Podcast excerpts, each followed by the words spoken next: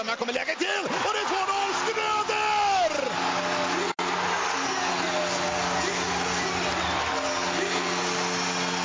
Och stället går bananas!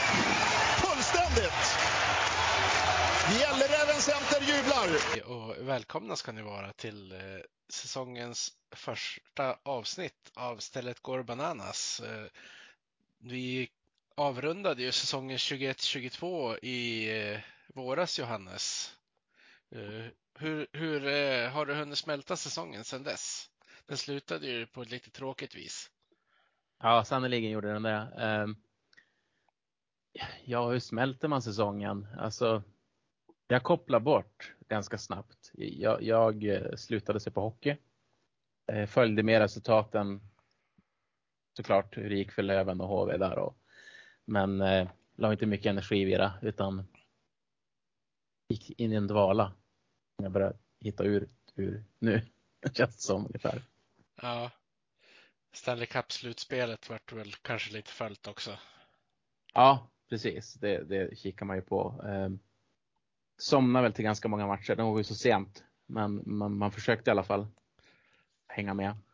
Ja, du har ingen sån där äh, lagstreak som Max Strömberg Melin? Nej, jag, jag, är rädd att den ska bli ganska kort i mitt fall. Eh, eftersom eh, jag antagligen somnar. Men det kanske han gör också, men jag tror inte han gör det. Jag tror faktiskt han tittar och ser varenda minut. Annars skulle jag lätt kunna hålla upp en streak. ja. Och så börjar vi säsongen 22-23s första avsnitt av Modopodden Stället går bananas. Vi är ju lite ringrostiga idag så ni får ha lite förståelse för det. Vi sitter nu den torsdag den 15 september och spelar in eh, mittemellan två rivalmöten egentligen fast försäsongs sådana. Eh, Modo mötte Timrå igår, förlorade med uddamålet och så möter man Björklöven imorgon. Eh, hur mycket tror du att sånt betyder på försäsongen, Johannes? Eh, jag tror att generellt så betyder det inte så mycket. Fast det är klart, ju närmare premiären man kommer, om, om det ser riktigt illa ut på isen eh, så är det ju inte bra. Då kan man ju förstå eller ana i alla fall att det är en resa fram eh, för laget och att man inte kommer kanske prestera direkt i inledningen av säsongen. Men det var väl det året Modo vann SM-guld. Jag tror vi pratade om det förut. Då förlorade de väl alla matcher utom en i, under försäsongen. Undrar om de inte förlorade alla till och med? Ja, jag, jag, jag har för mig att det var alla, att jag skrev det i något forum, men då var det någon som rättade mig och, och sa att de vann eh, sista matchen eller näst sista matchen eller något sånt där. Med 1-0 eller 2-1. Kommer inte riktigt ihåg. Nej, så är det ju säkert. Man kan inte hålla koll på exakt allt. Det hade varit konstigt. Det är ett tag sedan också vi äh, vann SM-guld. Ja, det känns ju inte som att 2007 är så länge sedan, men det är ju faktiskt ett tag sedan nu. Eh, det är konstigt med tid överhuvudtaget tycker jag, när man ska eh, förhålla sig till det. Precis som du säger så känns det som att det inte var så jättelänge sedan. Samtidigt känns det som att det var jättelänge sedan en hockeysäsong pågick. Fast det bara gått ett sommar. Ja, det är jättemärkligt. Det är nog för att man är så taggad nu på att det ska dra igång. Så kan det ju vara. Eh, så jag tycker vi hoppar direkt in på det. Ja, men får jag ställa dig en fråga bara? Mm. Eh, som jag funderar på. Vad tycker du om eh, att man möter Björklöven två gånger under försäsongen? Alltså, Tänker du rent att man urvattnar i valmötet eller hur? Jag tänkte på vilket sätt tänkte du? Ja, men jag förstår ju alltså rent logiskt för att det blir billiga kostnader och så. Men det är ändå, även om vissa inte vill hålla med om att det är ett rivalmöte så kan man ändå säga att det är ett prestigemöte mot Björklöven. Om, om lagen som, städerna som ligger närmast varandra i Hockeyallsvenskan och som tävlar i toppen. Ja, jo men så är det ju. Men samtidigt så tror jag ju inte att, uh, att lagen är påslagna på det viset på försäsongen som man ändå såg att de var under säsongen sen när de möttes. Mm. det märktes ju att det, det hade ju inte dragit ner folkintresset heller, för det var ju mer eller mindre fullsatta hus på alla de här mötena som vi inte får kalla för derbyn. Ja, eh, det är sant. Så jag tror ju inte att det gör så stor skillnad för eh, ja, men, varumärke bland annat. Jag tror att... Nej, men, nej, det tror inte jag heller. Men vissa ser ju väldigt kritiskt på, på det. Eh, och vissa tycker inte det spelar någon roll. För att det är försäsong. Ja. Jag, jag, jag vet inte, jag, jag är lite grann lutar mer mot det sistnämnda, att det spelar inte så stor roll. Men samtidigt så skulle jag tycka det var roligt att man kunde möta några andra lag. Det blir, försäsongerna blir ofta mot Löven och det blir Timrå och det blir Sundsvall. Och så Skellefteå. Mm. Men det är, det är kostnader såklart. Man, man tar de lagen som ligger hyfsat nära. Ja, eh, i år hade man ju den skillnaden att man faktiskt mötte Hudiksvall. Mm. Eh, det brukar ju vara så att det brukar vara Mora, Sundsvall, Timrå, Björklöven och Modo i SCA-cupen. Men i år hade de ju sex lag när Hudiksvall Mm. också var med. Ja. Så det, är ju, det har ju varit ett nytt lag i alla fall. Men jag håller med dig, det skulle vara lite roligt att göra som till exempel Björklöven gjorde och möta något lag från Finland. Fast det, det är inte bra heller. Därför att eh, då kommer de värva. Jag sa det till Navid, han som driver eh, Björklöven-podden där. eh, Att eh, nu kommer de ta era bästa spelare nästa säsong borta. Ja, det är väl risken som kan dyka upp såklart. Ja, det är lite grann med glimten i ögat såklart. också. Inte kan vi skoja här i podden eller? Det är väl aldrig Nej. hänt. Bara-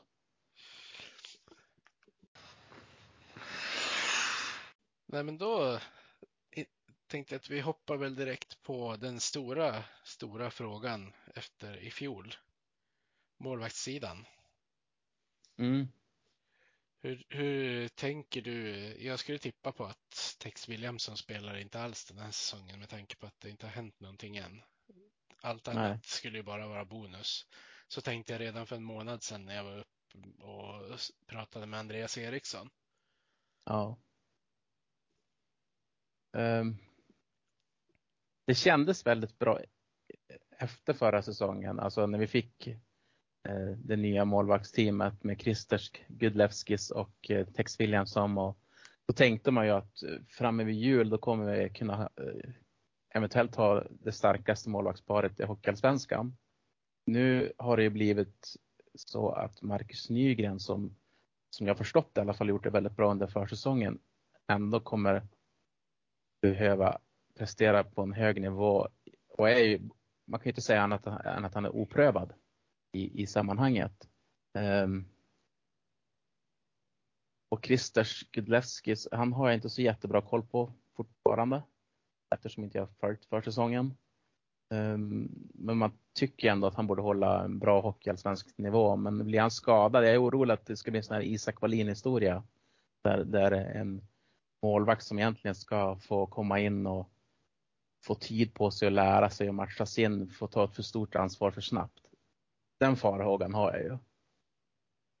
Men du, du kan ju mer om målvakter än jag eh, och följer dem på ett annat sätt. Vad, vad, vad, hur känner du kring det? Jag tänkte ju direkt att den värvningen var för att Tex Williamson inte skulle vara med. För att två så pass ändå som jag skulle tro etablerade och dyra målvakter vill man nog inte ha i ett och samma lag.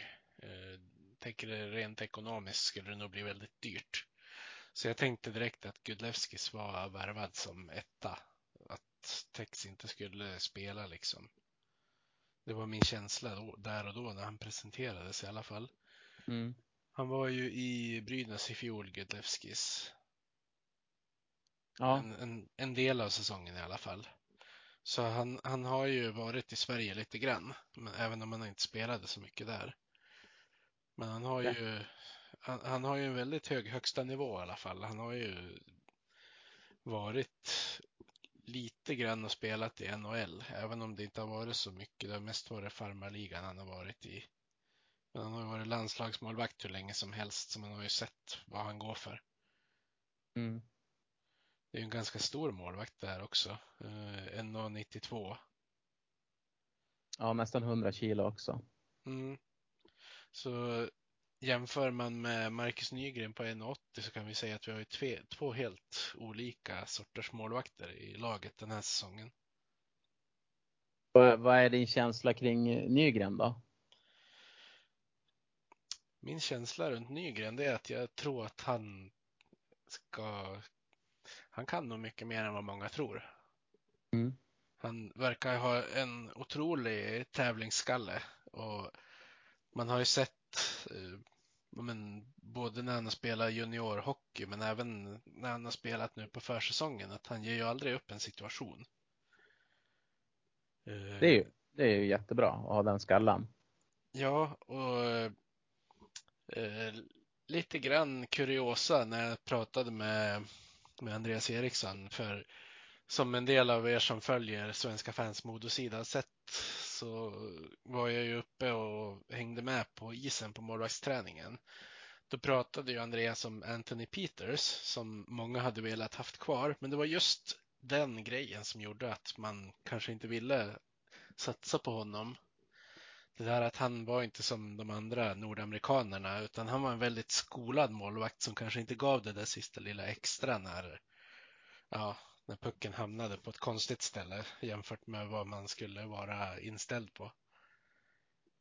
Det är intressant. Mm.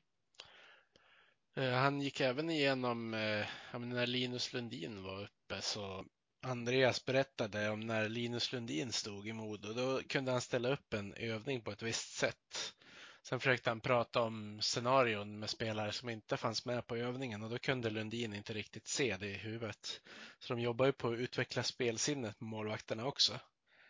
Det var det intressant att få, få reda på de där grejerna. Faktiskt. Ja, det är ingenting som man tänker på när man sitter och ser en hockeymatch, hur mycket jobb det läggs ner med ja, men allting och så, och så även, klart även målvakterna. Så det måste vara jätteroligt att vara med och få en närmare syn på hur de jobbar. Men den viktigaste frågan är ju, fick du en klubba? Nej, Nej. Inte än. jag kan ha fått en jacka. Ja, men jag tänkte du fick inte skjuta på träningen eller någonting. Jo, alltså jo, jag fick en klubba att ha, men jag var ju inte med som skytt. Nej. Jag for, for och samlade lite puckar. Ja, men jag hörde Hinken hade scoutögat på, på gång där när du var på isen. Men han, jag tror att han, det landade i att det, var, det skulle bli för dyrt. Han var ju och hämtade Riley Woods, så han missade ju mig med minsta möjliga marginal. Ja, det var därför då kanske. Ja, Ja, nästa år. Då. ja, vem vet, man är ju aldrig för gammal, är jag på att säga. Det är bara att kolla på Conny Strömberg.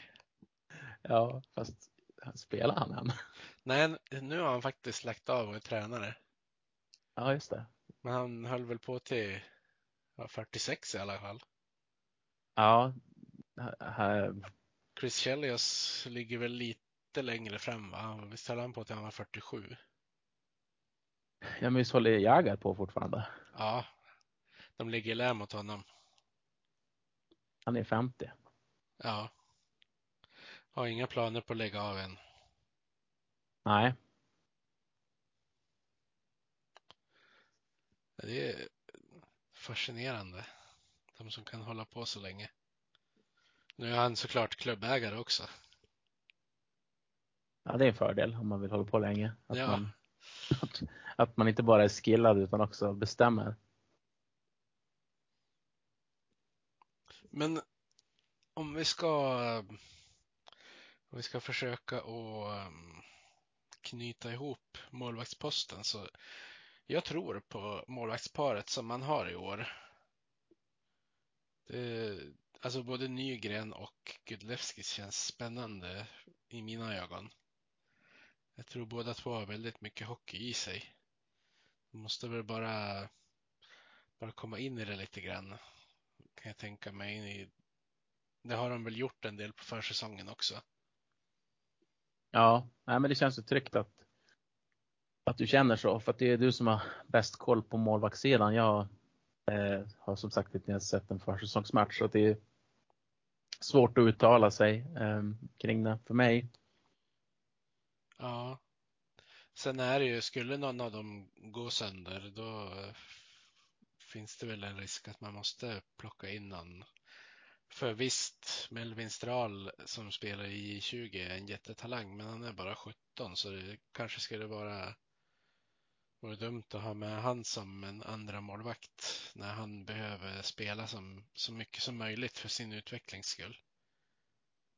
Ja, det vore oerhört dumt. Det, det blir ju ett eh, lån misstänker jag att man söker efter, typ som med Tikkanen i fjol. Ja, det är väl inte alls omöjligt att man redan är ute och sonderar marknaden lite grann. Mm. De vet ju hur det blev i fjol, så vis av erfarenheten så lär man ju säkert titta på en plan B och till och med C kanske. Ja, absolut. Det tror jag också. Ja. Eh, på tal om Tikkanen så jag, när jag var nere och kollade på Hudiksvall när Modo mötte dem så deras första keeper var ju nästan i Tikkanens storlek. Han fick reservmålvakten eh, Simon Rönning som är 1,93 och ser kort ut. Oj. Bosson är 1,98 tror jag, Tikkanen 2,01 så det är inte jättestor skillnad. Nej. Bra utsikt där uppifrån. Ja. Om vi ska kliva över på backsidan då. Mm. August Berg in, Filip Hasa ut. Sen har Mm. ju i största möjliga mån samma spelare som i fjol. Ja. Eh, Efter mycket om och men, får man säga. Ja, Men backsidan tycker jag ser väldigt bra ut. Det är inte många lag som har bättre backsida än Modo. Det finns väl, jag kan tänka mig Löven när man räknar alla deras nio backar. Eh, Djurgården har ju fått in lite intressanta backar nu också, men absolut ett topplags backuppsättning och David Bernhardt och Pontus Nässén som seriens bästa offensiva backar i fjol. Det är de man ska slå om man ska säga att man har de bästa offensiva backarna mm. Fjolårets, fjolårets slutspels-MVP Emil Wahlberg är utsedd till ny lagkapten. Ja. Jättebra beslut. Eh, Jag tror att det var många fans som ville se Emil eh, som lagkapten. Han, han ger 100 för, för Modo i varje match och även spelarna i truppen ville se honom som lagkapten. Så att det, det är som en symbios där. Ja, Och han var ju helt fantastisk i slutet av säsongen och i slutspelet tycker jag. Eh, Han, han eh, visar en sida som man inte såg under första halvan av säsongen. ja, då kom de här gamla centertakterna in också i vissa lägen. Ja, jag hoppas på att han får fortsätta med det självförtroendet den här säsongen så tror jag att eh, eh, får han fortsätta utvecklas i den riktningen så, så ja, det är en, en klassback och tvåvägsback då. Ja, och så finns det fyra högerskjutande backar den här säsongen också. Det är ju inte heller eh, någon dålig grej. Nej, det kan man inte säga. kan tänka mig att både Josef Ingman och August Berg skulle kunna stå och vara med i en powerplay-uppställning till exempel. Kanske inte, Oh ja. Nik- kanske inte Niklas Folin, men han kan ju spela fem mot fem och boxplay på ett väldigt bra sätt. Mm. Eh, duktig defensiv back och kikar man på, på backuppsättningen så är det väl eh, det ser väldigt stabilt ut. Jag, jag hoppas verkligen att Josef Ingman kan få en mer stabil säsong om man uttrycker sig på det sättet. Jag Tyckte det var mycket fågel eller, eller fisk i fjol. Eh, och att han, han gör en del enkla misstag som han inte borde göra. Han håller pucken för länge i vissa situationer. Han blir sönderläst och sönderstressad. Och kan han få iväg sitt första pass lite snabbare och hålla en mer jämn nivå, då, då är det också en, en bra back. Men han måste börja visa det också. Eh, match efter match.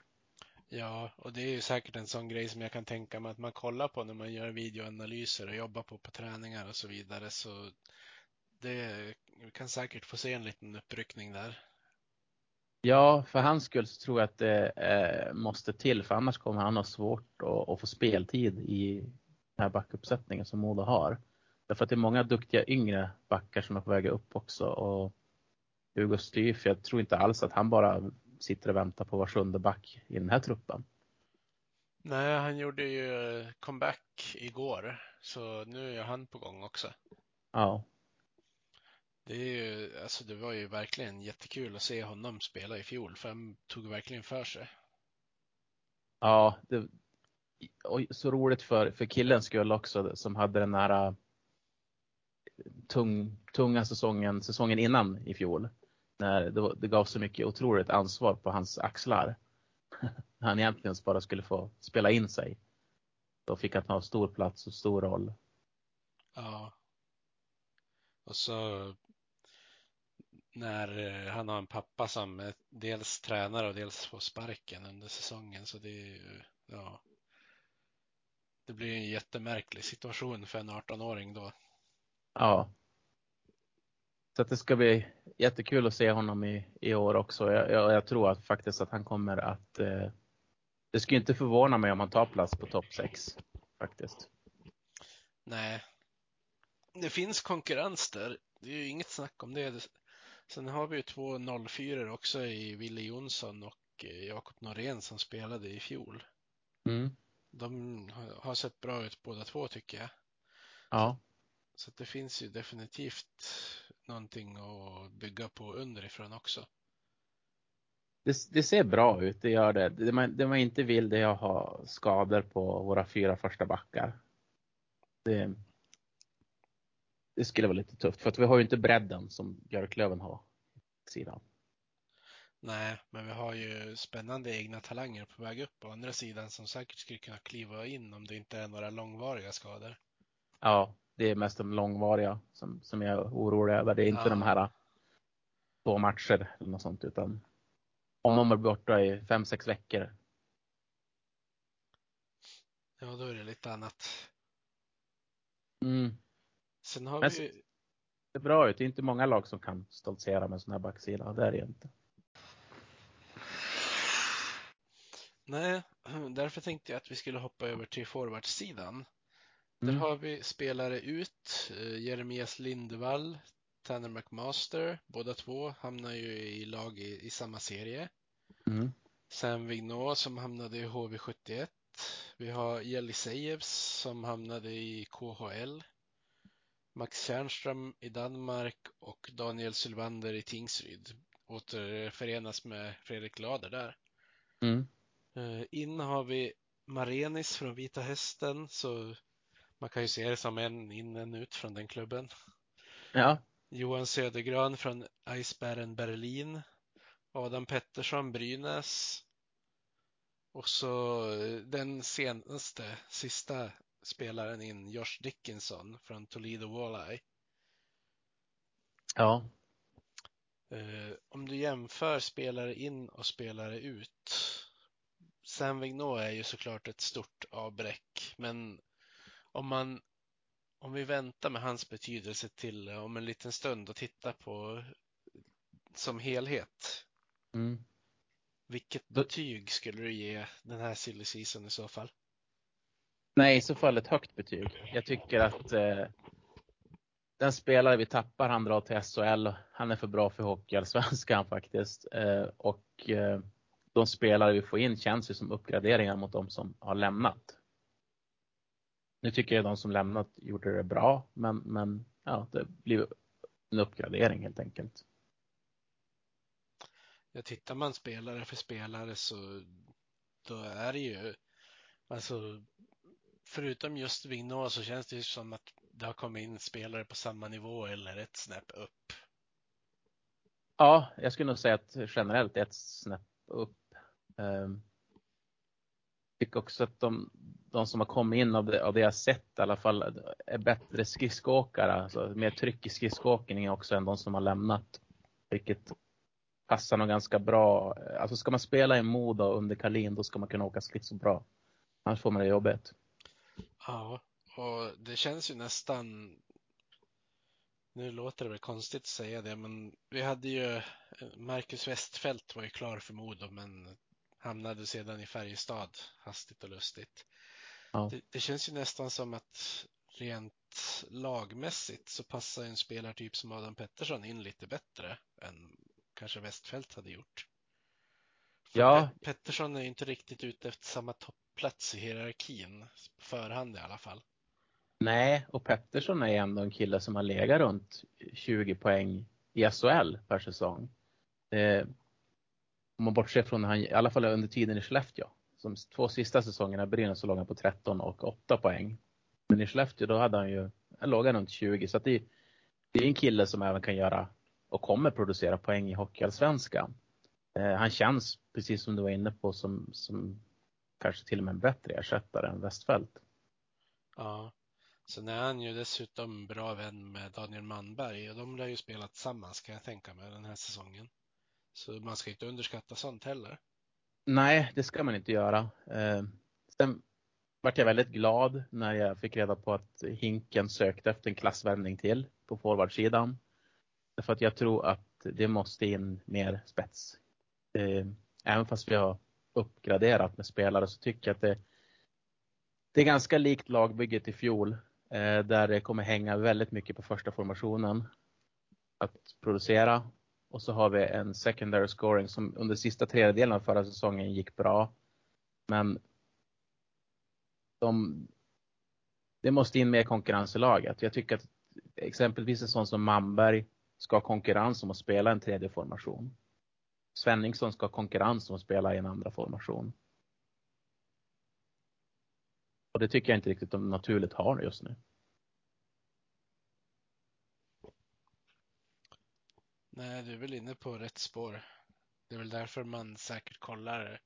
Men det är väl svårt med den här marknaden än så länge. Ja, det, de säger väl att just i september kan det börja hända ganska intressanta saker därför att trupper runt om i hockeyvärlden börjar sätta sig lite grann. Eh, och ganska bra spelare kan gå åt olika håll och kanter. Så vi får se. Men jag är Hinken är ändå genom att söka efter den där killen som gick till Växjö som man inte kan uttala namnet på. Jaden någonting. Habelgevats. Ja, se det där. Det satt det. Eh, han är ändå som indikerar på vad, vad, vilken nivå han söker på. Och, och det känns bra. Jo, och NHL-säsongen börjar ju 6 oktober. Så att om några veckor kanske det är klart vilka som får en, eh, en roll där och inte. Så då, ja. För i fjol började NHL-säsongen lite tidigare. Eh, nej, det gjorde den inte. Den började ungefär samtidigt som då förresten. Ja. Då, så det är väl säkert där i, i NHL och AHL man kollar lite grann. Annars hade det varit någon från Europa så då hade det säkert redan varit klart om det var en sån spelare man letade efter. Ja, så det är framförallt AHL skulle jag tro att man letar i. Eh, och Jaden var ju, när man kollar bara på hans siffror, då, då såg man ju att det här är ju en spelare för SHL. Skulle vi landat den värvningen, då hade det varit en riktigt, riktigt tung värvning. Ja, vi får se hur det går för henne i Växjö. Ja, det får vi göra. Det kan säkert bli en bra, bra värvning där. Jag har en känsla av att, att det kommer bli en bra värvning för dem. Och så får vi hoppas att vi får in mer också i vår trupp. Jag skulle så gärna vilja ha en liten spetsigare forwardsida. Mm. Är det en ytterforward eller en center du helst skulle vilja ha då? ja, fick man drömma då skulle jag helst se Erik Ginnersjö Karlsson eh, i en tredje. Men ja, alltså egentligen tror jag inte det spelar så stor roll. Faktiskt, därför att Ginnersjö är en bra tvåvägsspelare, men han är ingen, han är ingen naturlig poängcenter. Alltså han, han gör ju poäng genom hårt jobb och spelar bra. Förstår du vad jag menar? Han är inte som Sam Mignot som kan lägga en räka eh, mellan benen på två försvarare och få en assist. Han, är ingen poängcenter på det sättet. Eh, vi skulle behöva en poängspelare, någon som kan driva offensiven i andra formationer, om jag uttrycker mig så. Det spelar ingen roll vilken position det är. Och Ågard är ju inte den som driver. Han är ju på rätt position. Alltså han är livsfarlig runt målet. Eh, Svenningsson har ju lite playmaker abilities men ja, då ska ju han som upp en nivå mot vad där han har varit tidigare. Och bli mer effektiv både i avslut och driva offensiven mer. Där han var innan han blev skadad i fjol ja. Mm. Där var han verkligen på uppgång. Ja. Han har ju mycket i sig. Det ska bli kul att se honom den här säsongen. Ehm,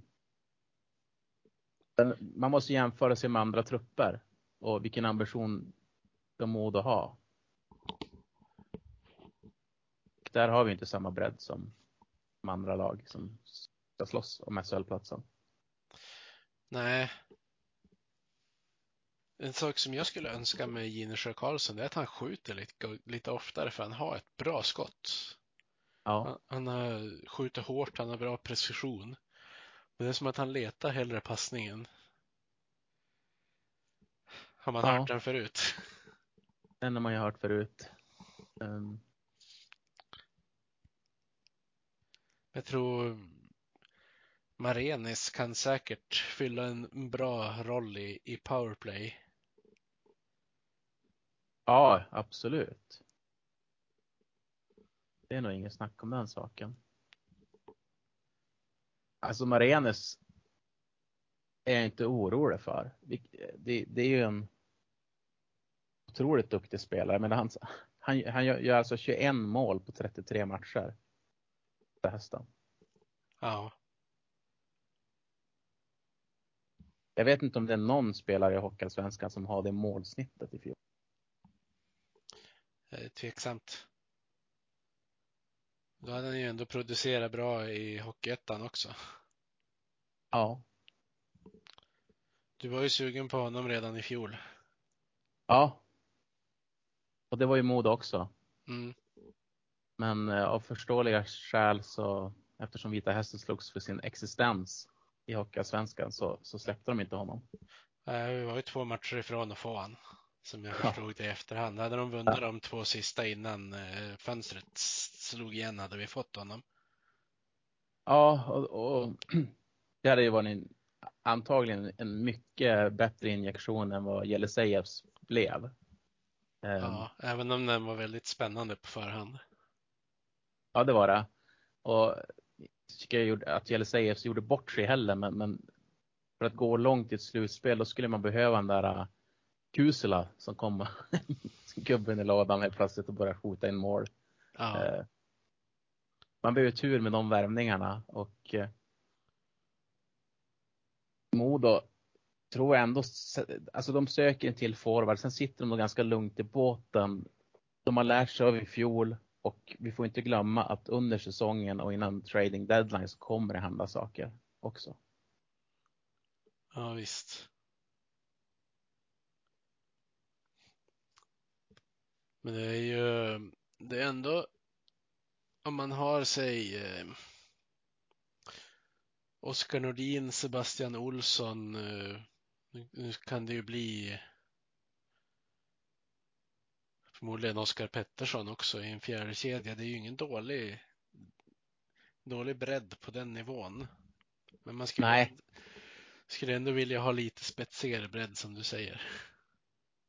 Ja, alltså ser man fjärde kedjan och jämför den mot andra lags fjärde kedjor så, så är det också i toppklass.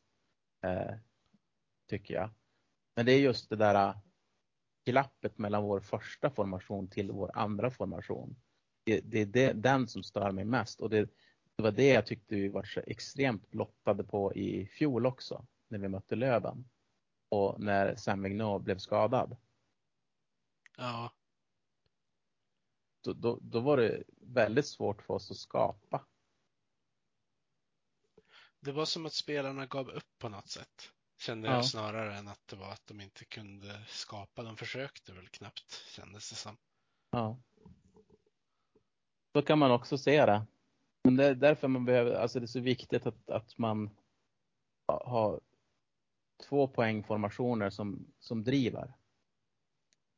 Och som klarar av att man flyttar spelare emellan om det behövs någon gång. Ja.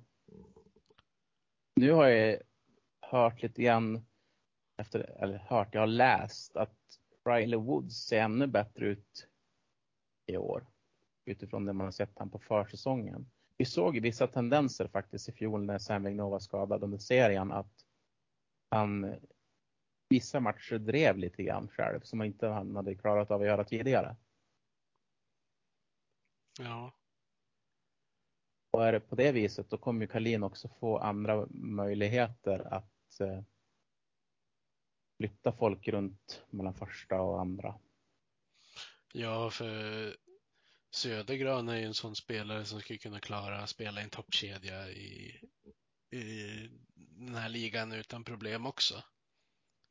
Ja. Eh, vi ser att Mattias Persson på ÖA. Mm. Han, han, var ju väldigt nöjd med den här värvningen och menade lite grann att det är nog inte många som förstår vilken bra hockeyspelare det är. Och jag är en av dem. Så det ska bli jättekul att se honom. Ja, sen har han ju bra storlek också. Han är ja. ju Oskar Nordin storlek. Det, det, är bra. Vi behöver lite mer sånt och där kan man säga också Adam Pettersson in, eh, Tanner McMaster ut. Tanner McMaster, jag tyckte att han vägde lätt i många situationer faktiskt. Ja, får väl se om han får ut mer av sitt spel i Vita Hästen där han lär få en större roll. Han kan säkert göra mer poäng än vad han gjorde i Modo. Men det är just för att de, de måste bygga kring honom på ett helt annat sätt. Och det blir inte svårt att göra mer poäng heller med tanke på att han gjorde fyra. Men under seriespelet i alla fall. Mm. Uh, nej men vägde lite väl lätt och han, han kan ju som blixtra till så här stundtals i matcher. Men det handlar ju typ om, alltså kanske ett byte. Sen kan han som försvinna igen. Jag tror inte Adam Pettersson är inte riktigt, absolut inte lika flashig men jag tror att han kommer att göra ungefär lika mycket poäng som Tanner. Han borde kunna toppa det där till och med. Ja, alltså jag tänker inte på fyra. Jag tänker till och med att han kanske kan göra lika mycket poäng som Tanner kommer göra i en större roll. Ja, så kan det ju vara. Sen har vi ju även folk som fyller på nerifrån i den här lagdelen. Helmer Stryf är ju väldigt spännande och Theo Jakobsson är ju en personlig favorit. Men det, känns, ja. det, det, är ju inte spelare för en fjärde kedja som det vart när Sam Vignova var borta. Nej. Du, du kan ju mer om de här än mig. Vad, vad, vad, vad är det för slags spelare? Theo Jakobsson, det är ju en, eh, en riktig poängspelare i U20-nivå. Så han ska ju spela i en toppkedja egentligen för att få ut det mesta av sitt spel. Han är mm. ju inte jättestor, men han är puckskicklig.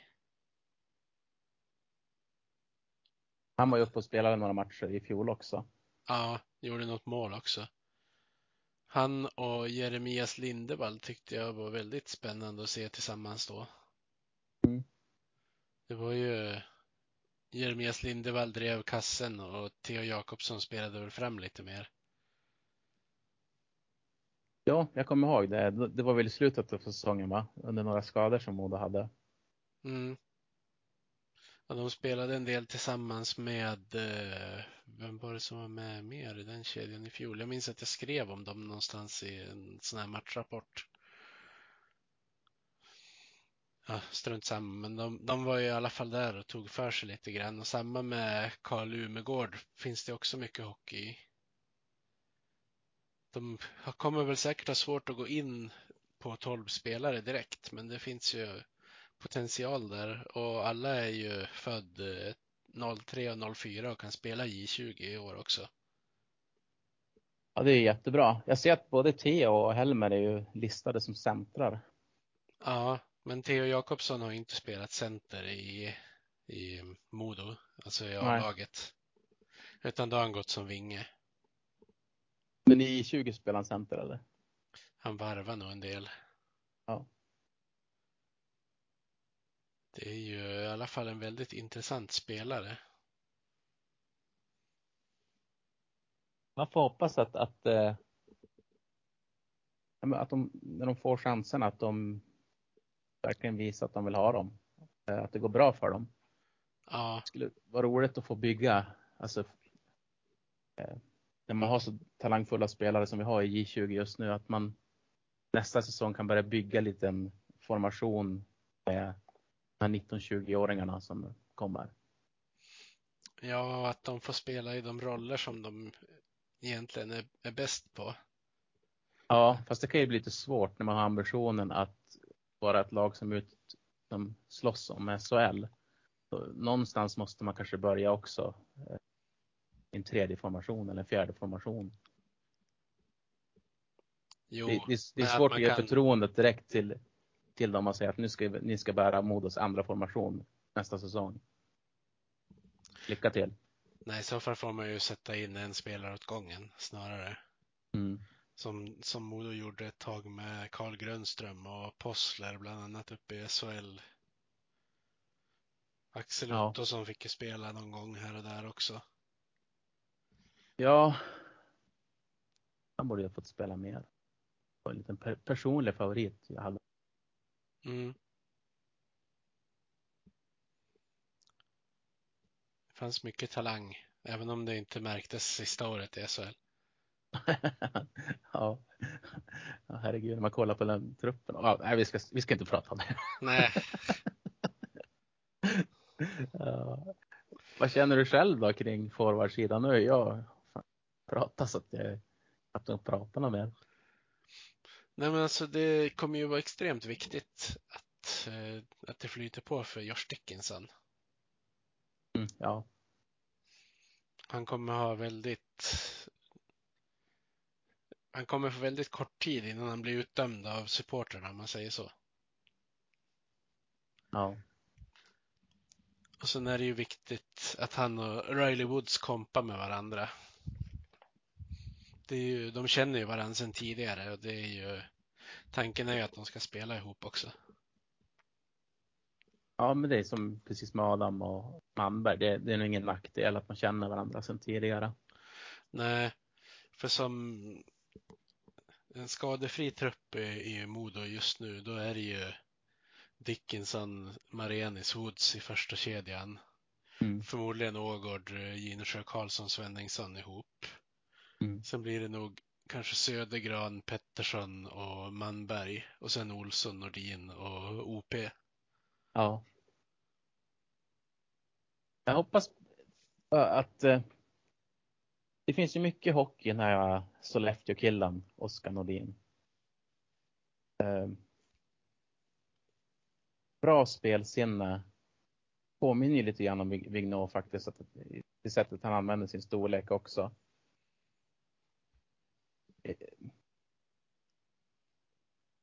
Jag jag tänker på, hon, på honom. Han är en väldigt naturlig center tycker jag. Och ganska smart och har lite sådär aviga passningar. Men är Olsson och Pettersson rätt spelare för honom? Det är jag väldigt tveksam på. På vilket sätt skulle du, på vilka spelare skulle du tycka skulle vara bättre att ha där? Alltså jag tycker att Pe- Pettersson och eh, Olsson går väldigt rakt. Det, det är som deras spelmönster. De, de, de, ja, Pettersson går på tackling, Olsson går mot mål. Typ. Men nå- någon liten, lit- någon liten lurig spelare. Och kan läsa lite grann de här aviga passningarna som kan komma. Han kanske skulle behöva en Theo Jakobsson i några matcher då? Ja. Ingen dum idé. Hel Helmer Styv är ju duktig på att hålla i puck i anfallszon också så att han skulle säkert också kunna spela där.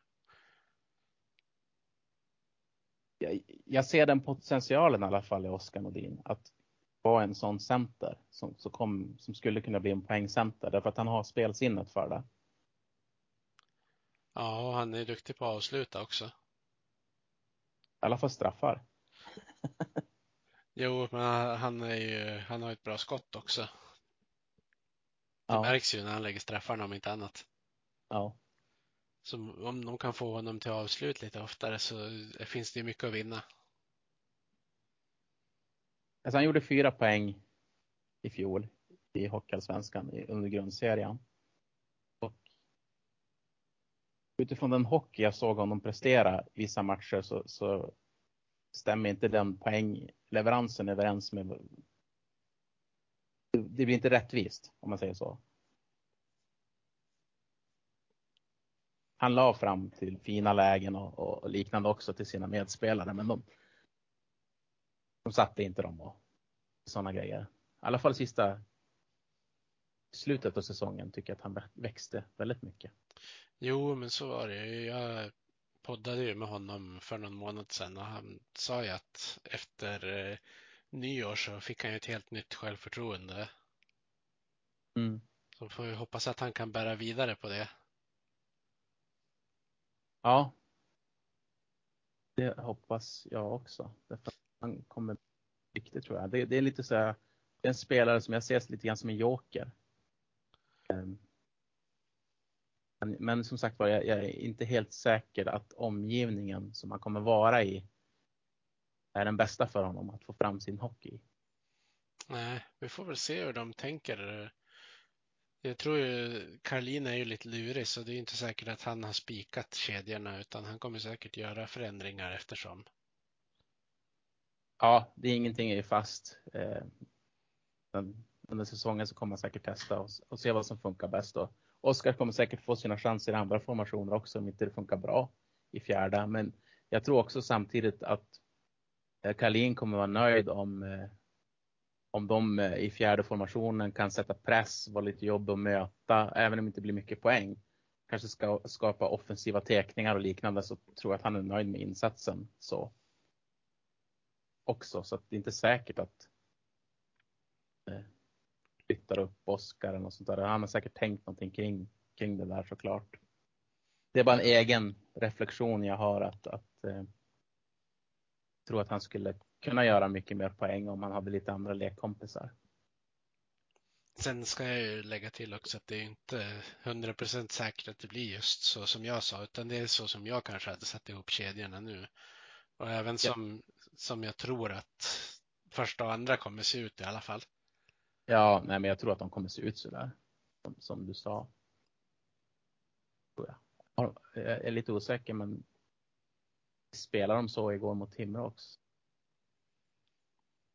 Ja, jag såg inte den matchen så jag ska inte, jag vet inte. Nej, jag, jag såg bara de skrev någon laguppställning någonstans, men. Jag att det såg ut ungefär så. Mm. Men vad, vart tror du Modo kommer hamna någonstans i tabellen? Tycker vi kan ju gå in och nosa på det där innan vi sticker iväg med våra tips framöver. Ja. Eh, Topp fyra. Vi har fått behålla nästan alla våra bästa spelare. Vi har uppgraderat truppen. Framförallt så har vi inte behövt göra så mycket förändringar i truppen. Det är inte 14 nya spelare. Men vi får bygga vidare med kontinuitet. Topp fyra tror jag på. Jag har satt Modo på en fjärde plats i det tips jag har lämnat in Mm. till eh, när svenska fans gjorde sin undersökning. Ja. Så jag ska, där har ju Modo blivit tippad som tvåa eh, kan jag ju säga. Okej. Var Alltså, högt. När man ser över hela, eh, alla, alla lags redaktioners tips och så vidare. Mm. Så jag ska svara på några frågor om det efter att de har spelat sista matchen eh, mot Björklöven tänker jag. Ja, träningsmatchen på i, visst är den imorgon va? Ja, precis. Sista träningsmatchen på hemmaplan. Och sen hemmapremiär veckan efter mot AIK. Ja, och man längtar som bara den nu till det. Matchstart 2030. Ja, det är perfekt. perfekt. Då kan man eh, komma hem, slappna av lite grann, käka middag, sen bara njuta. Ja, och de som är på plats i arenan hinner ta några öl. Ja, de får kalla in spetsa öronen mellan period två och tre. Då kommer det många bra tips från läktaren. Säkerligen. Och det kommer säkert komma en del eh, tips till spelarna på isen vad de kan göra annorlunda också. Ja, ja. Och jag, jag tycker så här om det är någon som lyssnar nu från Modo, det är bara att följa alla tips. Se till att ni har någon som snappar upp allting.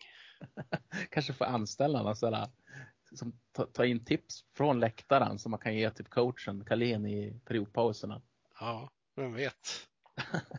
Men kan de bygga ett helt lag i, i, i baseball bara på statistik så då kanske man kan bygga ett lag i, i hockey på att lyssna på vad publikexperterna säger. Jag skulle säga att, att det, är, det är bättre underlag att bygga på publiken än statistik.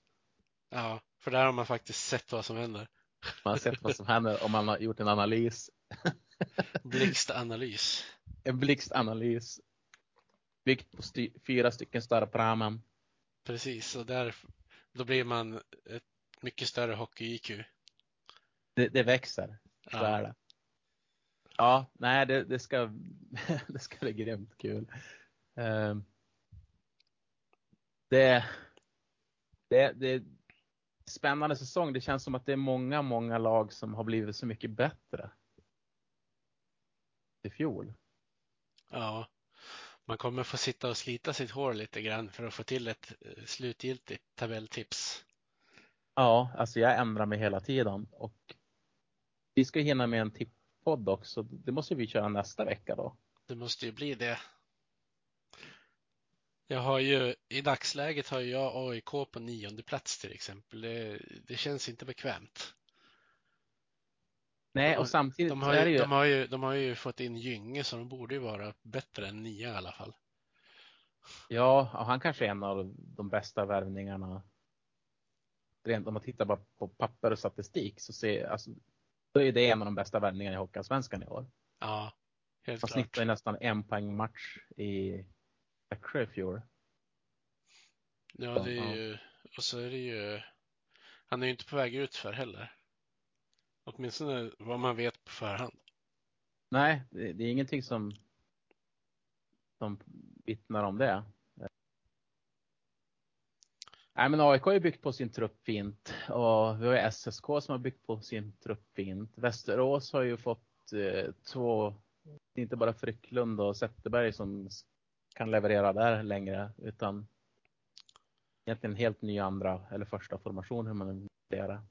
Ja, Björk, Björklöven kommer bli att räkna med. Oh ja. Eh, Björklöven är en av mina favoriter just nu. Sen tror jag att under säsongens gång så kan jag behöva ändra mig där. Därför att jag tror att Djurgården har nog lärt sig sin läxa. Även om inte de har samma kapital som HV så har de bättre kapital än lagen i Hockeyallsvenskan. Och de kommer nog scanna marknaden under hela säsongen och säkert ta in tre, fyra spelare under säsongen om inte de är nöjda. Ja, och så har de eh, otroligt spännande talanger utöver de etablerade hemvändarna de har fått in, så de kommer ju också bli att räkna med. De kommer vi att räkna med eh, duktiga spelare. Visst är det de har tre stycken riktigt fina talanger på forwardsposition. Ja, de har, En målvakt också. ja, Lindbom. precis, och så har de Liam Ögren, Noah Östlund eh, och Lekkerimäki. Ja, De är ju riktigt spännande allihopa. ja. Det är de. Det är, det är bra trupper. Eh, Det kommer nog bli. I fjol pratade man ju som om topp 6. Att topp 6 kändes så, så bra. Och att det kommer bli större glapp mellan toppen och botten i Hockeyallsvenskan. Men det är som du säger, i år känns det som att det, är så många lag som har uppgraderat. Så att jag är inte förvånad att du har fått AIK på en nionde plats. Därför att det är så många bra lag när man kikar. Det är ju alltid så att det blir något lag över. Det är alltid något lag som inte går som man trodde att de skulle gå. Som Södertälje i fjol till exempel. Ja, Och det- jag tänker tala emot AIK det är att de, de har ju bytt väldigt mycket spelare. mm. det är inte säkert att allting klaffar första säsongen. Eh, sen kan vi också, alltså deras bredd kanske inte riktigt ser topplagsmässigt ut. Om man kollar på första två formationerna ser det bra ut. Ja. Ja, det kommer säkerligen att hända mycket i trupperna under säsongen också. Ja, någon, någon, någon, spelare som är för bra för ligan som hamnar i SHL. Något toppnamn som helt plötsligt blir tillgängligt. Ja, det händer alltid, alltid något oväntat under säsongen. Ja, det brukar ju vara så. Eh, och varför inte denna säsong också? Ja. Men eh, vad säger du Johannes? Vi knyter ihop påsen för den här gången och sätter oss och, och gnuggar tidningarna och funderar på tips tills ja, nästa vecka får det ju bli. Ja, och jag ska ju spela in Hockeyallsvenska podden på lördag och då ska vi ha en tipppodd där. Så jag måste ju ha klart det här imorgon. Ja. Um. Och jag har eh, rätt nyligen lagt upp ett specialavsnitt av Kempis Corner med med SDHL-fokus eftersom att de har premiär imorgon också, så det är mycket hockey nu. Det klagar vi inte över. Nej. Det känns fantastiskt. Det, kun, det kunde ha varit noll hockey också. Ja, som, som det var ett tag. Ja. Uh, nej, nej, nu, nej, det känns jättekul. På fredag släpps det för Hockeyallsvenskan, imorgon för SDHL. Det är bara, nu kör vi för en ny säsong.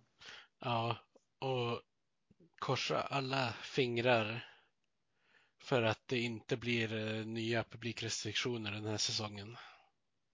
Det får vi verkligen hoppas. Verkligen.